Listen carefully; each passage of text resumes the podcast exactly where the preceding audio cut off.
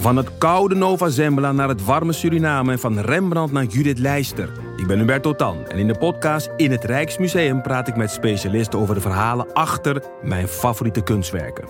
Nieuwsgierig? Beluister nu de nieuwe afleveringen.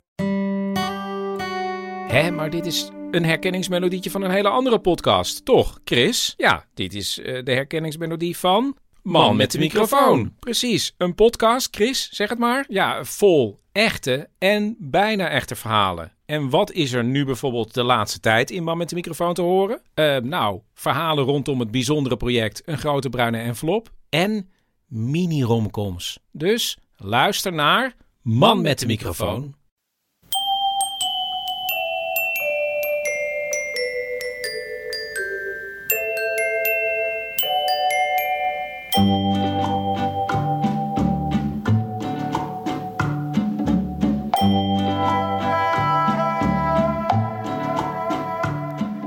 Welkom bij aflevering 71 van de Echt Gebeurd podcast, die tot stand komt met hulp van het Mediafonds.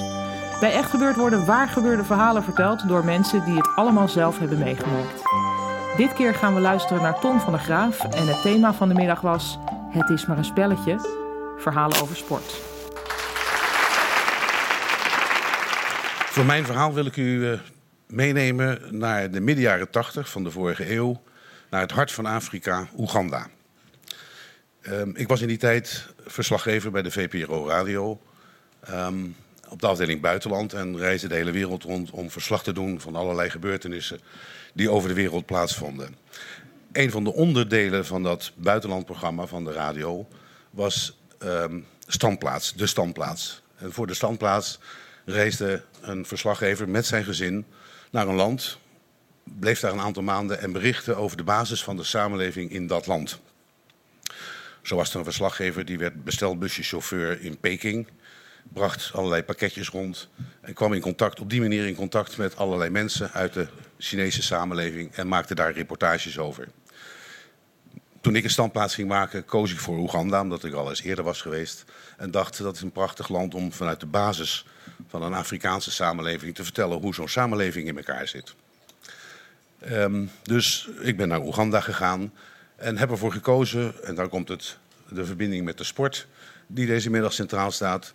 Ik heb ervoor gekozen om uh, te gaan voetballen in uh, Kampala, de hoofdstad. Ik werd lid van Kampala Express, dat is een voetbalclub in Oeganda. De meeste voetbalclubs in Oeganda zijn gelieerd aan een bank. De Bank of Uganda voetbalclub of de Nile Corporation.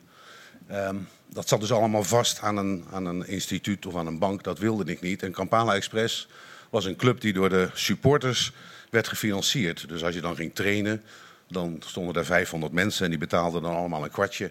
En zo langzaam groeide de clubkas. Ik ben naar Oeganda gegaan. Um, heb een, een, oude Opel Kadett kunnen kopen. Heb een huisje gevonden waar we mijn gezin kon gaan wonen. En die kwamen ook na een maand over. Vrouw en twee dochters, vier en zes jaar.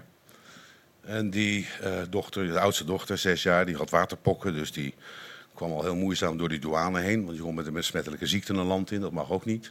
Dus die moest een beetje als een moslim um, verhuld het land binnenkomen. En toen zaten we op weg naar, um, vanaf de Entebbe, waar het vliegveld ligt, op weg naar Kampala, naar waar we gingen wonen. Wij woonden hier in Rotterdam in de Drievrienden Dwarsstraat. Dat is vlak bij de Kruiskade. Dus uh, we reden zo door dat Afrika. Ze waren allemaal voor het eerst in Afrika. Um, en mijn dochter van zes die keek zo naar buiten en zag al die Afrikaanse stalletjes met bananen en groenten werd verkocht. Al die vrouwen in kleurige kleding. En op een gegeven moment hoorde ik ze op de achterbank vragen. Zeg, papa, waarom wonen hier zoveel Surinamers?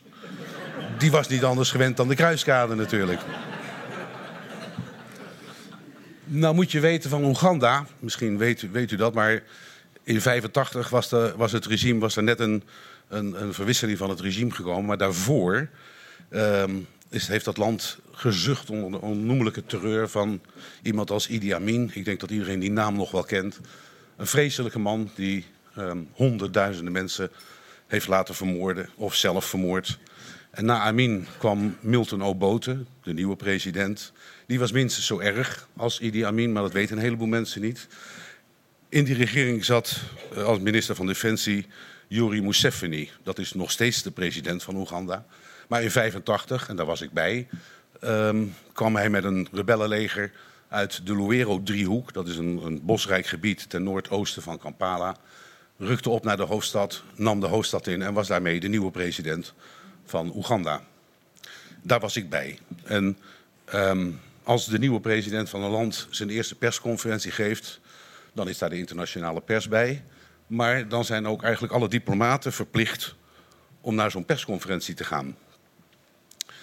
Um, Yoweri Museveni koos ervoor om de persconferentie te geven in het gebied waar hij die strijd heeft gevoerd. In die Luero-driehoek waar ik het net over had. Dat was zes uur rijden. Dus er was een hele kolonne van pers en diplomaten, allemaal in die grote landrovers, op weg met hun vrouwen natuurlijk, want die moesten er ook bij zijn. Op weg naar dat punt in die Luero-driehoek. Dat was een klein Afrikaans dorpje aan de voet van een bergje. Toen iedereen daar verzameld was en uitgestapt was, vroeg Yoweri Museveni... dames en heren, loopt u met achter mij aan, we gaan die berg op. Dus je zag al die diplomaten en die diplomatenvrouwen met de verkeerde schoenen om een berg op te lopen natuurlijk. Zag je zo die berg op schokken. En ik dacht dan na een paar meter, hier klopt iets niet. Want je moet heel erg uitkijken waar je je voeten neerzette. Omdat die hele berg bezaaid was met menselijke resten. Dat was de plek waar um, Amin en Obote uh, mensen lieten vermoorden. Dus je liep als het ware tussen stukken schedel, uh, ribbenkasten. Je moest echt uitkijken dat je niet op een ribbenkast, want dan braken al die ribben. Dus overal om je heen hoorde je gekraak. En het was een heel lugubere uh, bergopwaartsgang. Toen we boven kwamen, um, daar stonden allemaal stoelen klaargezet. Toen nam het woord en keek vooral naar de diplomaten. Die kwamen uit de landen die die regimes gesteund hadden. En zei toen de historische woorden: This, ladies and gentlemen, is what you have been supporting all these years. Hij had dus heel bewust mensen en die diplomaten laten lopen door, door die menselijke resten om ze erop te wijzen dat dat is wat ze gedaan hadden. Enfin, ik uh, heb me aangemeld dus bij Kampala Express en ik ben gaan voetballen. Ja, ik maak een overstap, want ik zit ook, ik zit ook in de tijd beperkt natuurlijk. En Afrikanen kunnen zo'n overstap wel aan, dat kan ik u garanderen. Um, ik wist niet dat de trainer, mijn trainer dus voor die maanden, uh, in de stad het gerucht had verspreid dat Kampala Express een Muzungu-spits, een blanke spits had aangetrokken. Dat was ik dus.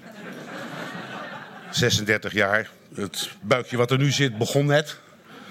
Die had ik er overigens in vier weken helemaal afgetraind. Dus toen ik voor het eerst ging trainen, ik wist niet wat ik zag. Er stonden zeker 3000 mensen. En die kwamen naar mij kijken. En zo na een minuut of 10, 15 minuten zag ik dat, laten we zeggen, vier vijfde van die mensen langzaam weer vertrok. Want die hadden snel in de gaten. Dat wordt helemaal niks. Um, dat elftal, ik maakte dus mijn reportages vanuit dat elftal. Dus alle spelers, daar ging ik mee praten en zo. Dat gaat veel te ver om dat hier nu allemaal te bespreken. Maar laat ik één speler nemen om de achtergrond daarvan te beschrijven. Dat was Moses Kakembo, zo heette die, onze rechtsback. Het was een jongen van begin twintig. Um, hij studeerde economie op de universiteit en woonde met twee zussen uh, aan de rand van Kampala in een Afrikaanse hut. Elke keer als hij kwam spelen, kwam trainen, dan kreeg hij omgerekend zo'n vijf gulden, was het in die tijd. Uh, maar ja, als hij tentamen moest doen, dan kreeg hij dat niet. Want dan was hij niet op de training. En mijn probleem was dat elke speler natuurlijk met geldproblemen zat. En dus ik was de blanke met een auto en een huis. Dus ik had geld. Dus iedereen tijdens de training of na afloop van de training werd ik altijd even aan mijn jas getrokken van ik heb een geldprobleem, kan jij dat even oplossen? Dat heb ik nooit gedaan, omdat ik dan in een hele verkeerde positie in dat elftal zou komen te staan. Alleen deze Mozes heb ik geholpen. Die vertelde mij zijn verhaal, zijn levensverhaal. Die was acht jaar. Um, woonde ergens in de bush zat verborgen in de jungle met zijn zusje te kijken hoe soldaten zijn hele familie uitmoorden.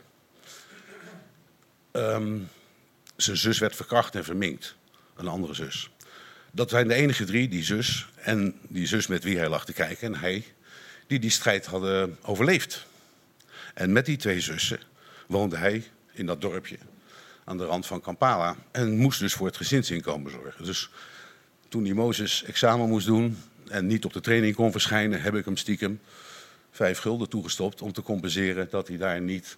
ehm, eh, dat hij daar geen grote nadelen van ondervond. Zo'n trainingscomplex, ehm, dat is eigenlijk alleen maar een voetbalveld met een aarde wal eromheen.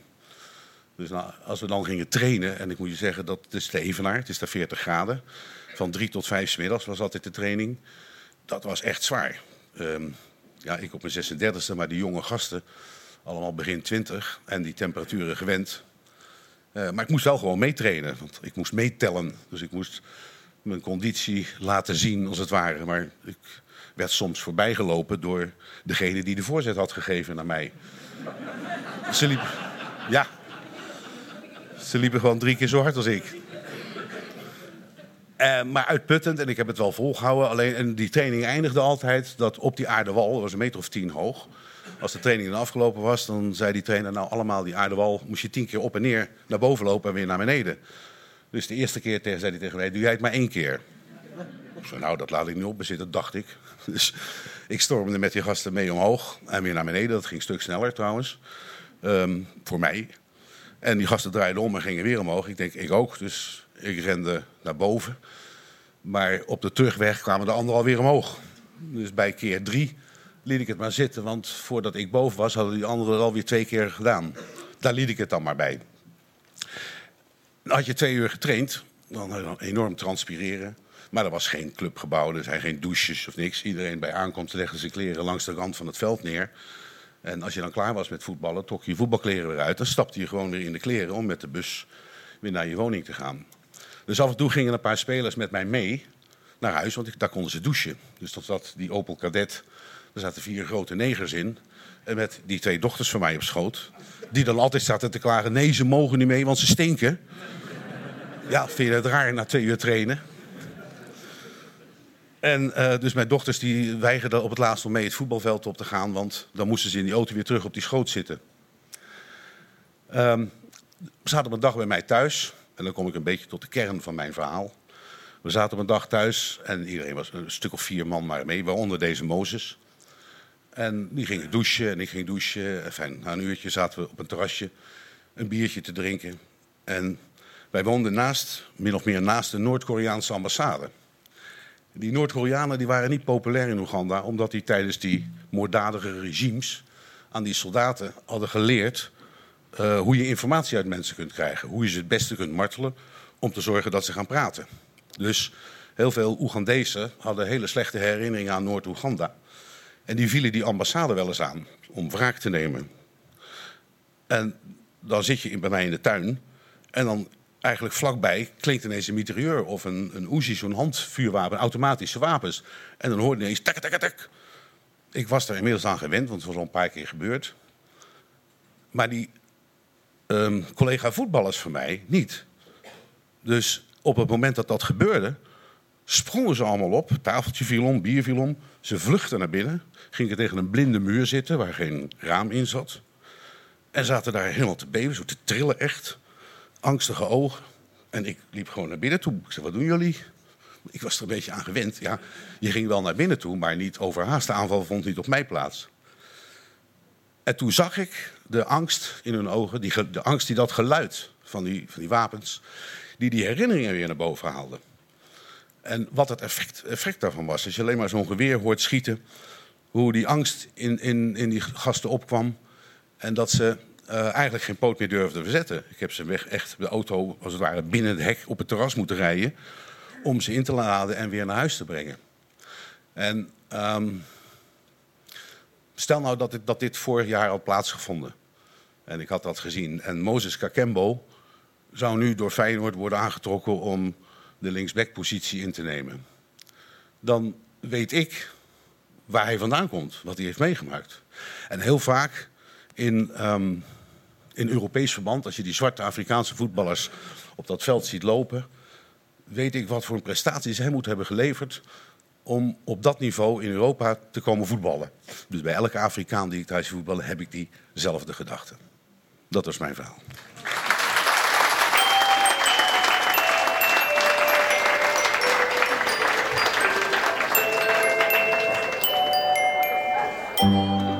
Dat was het verhaal van Ton van der Graaf.